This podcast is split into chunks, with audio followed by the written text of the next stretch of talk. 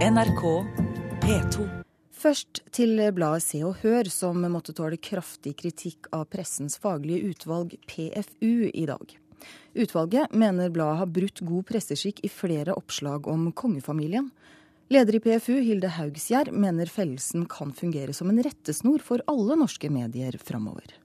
Vi tror at vi har laget en ganske god guide, rett og slett, som eh, mediene kan forholde seg til. Bl.a. når de skal veie hensynet til hva som har offentlig interesse og samfunnsmessig betydning, opp mot at også kongefamilien har eh, rett til en viss privat sfære. I mars klaga Slottet inn fem reportasjer fra Se og Hør. Og i dag ble Se og Hør felt på flere punkter som handler om å vise saklighet og omtanke og ta hensyn til barn. Og på mer håndverksmessige ting, som å ikke sjekke fakta og gi rett til samtidig imøtegåelse. I den ene reportasjen om kronprinsfamiliens ferie på St. Barts anføres også brudd på punkt 3.2 om kontroll av opplysninger.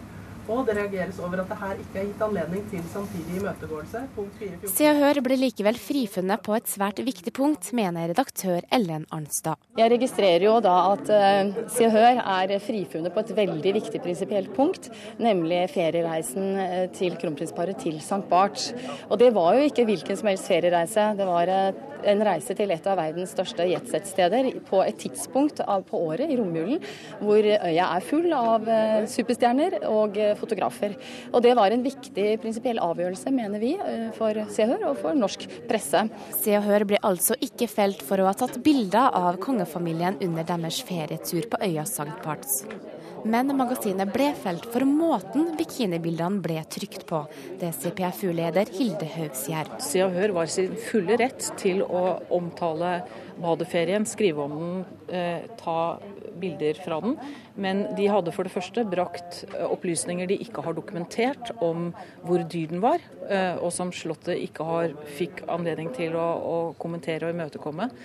Eh, og så har de i formen som reportasjen har, gått veldig langt i å bringe eh, bilder av en familie i badetøy på en strand med barn i veldig private situasjoner. Og denne fellelsen kan både Se og Hør og andre medier lære av, det mener medieforsker Carl Erik Grimstad. De kan lære for det første at omfang har noe med etikk å gjøre, som det også ble sagt i, i, utvalget.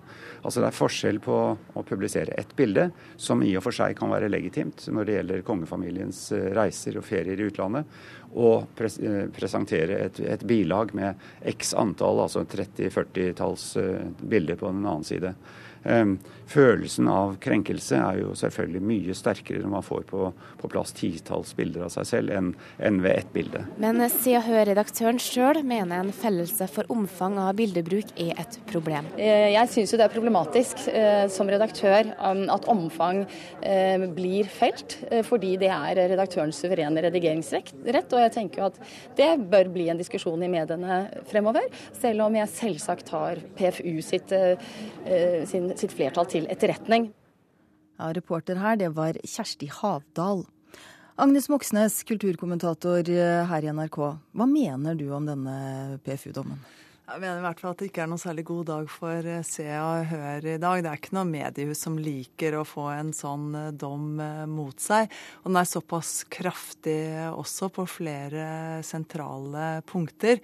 Sånn at Se og Hør trives ikke denne dagen her, det er helt sikker. Men det er en veldig interessant dom, og den har jo fått veldig mye oppmerksomhet. De måtte jo rydde salene, eller altså finne nye steder å sitte og ha debattene sine i Pressens faglige utvalg i dag for at de kunne liksom gi plass til alle som vil sitte og høre på den debatten som, eh, som pågikk. Men det er en kraftig dom. Men Hvorfor skaper den så stor interesse?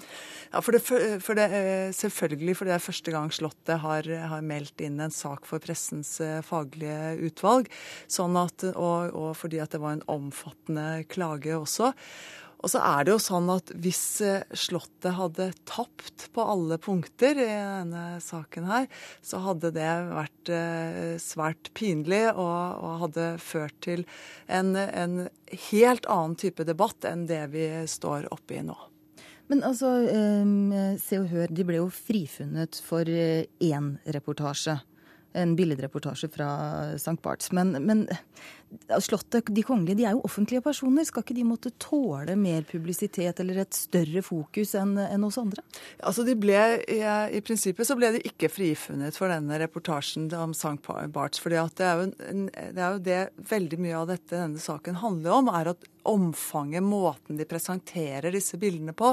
Det er av offentlig interesse å følge, se hva kongefamilien gjør, hvor de reiser på ferie, hvor de er en når de er seg selv, eh, hvem de identifiserer seg med. Det er litt av de samme liksom, eh, interessen som det er rundt veskene til Mette-Marit, hvilke merker de er, og osv. osv. Sånn at det er av offentlig interesse. Men det denne saken, det denne dommen sier, det er jo at man må begrense seg. Ja, man kan vise et bilde eller to, men man er nødt til å, å begrense seg og ikke liksom strø det utover veldig mange sider. fordi at det er klart at det, da går det på privatlivets Altså retten til å ha et, et fredelig privatliv. Men, men, hvor går grensene da? For hvor mange sider, for hvor mange bilder?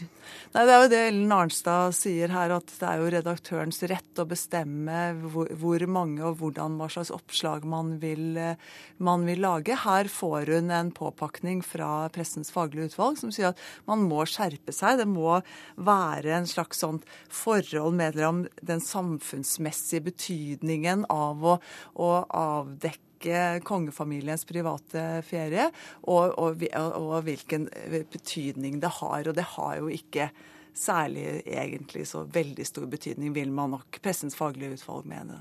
Men sånn for pressens skyld, vil dette her endre noe i måten man dekker kongestoff på, tror du?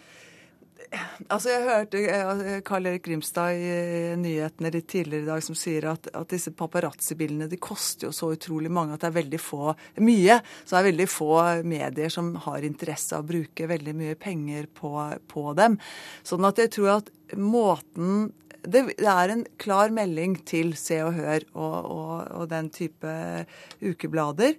Eh, samtidig så er pressen er nødt til å følge tett eh, med på Eh, hva eh, kongehuset, også hva kongehuset gjør.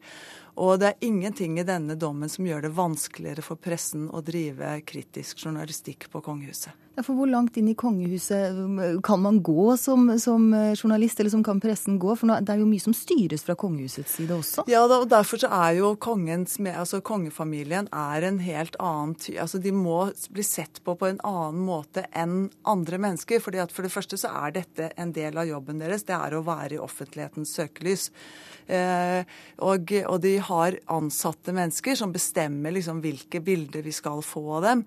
Og, og det er en, en eh, institusjon som skal eh, kritisk undersøkes, og de er vanskelige å komme inn på. De har liksom satt opp garden eh, for lenge siden, og antageligvis så slipper de eh, eh pressen altfor lite til, sånn som de gjør.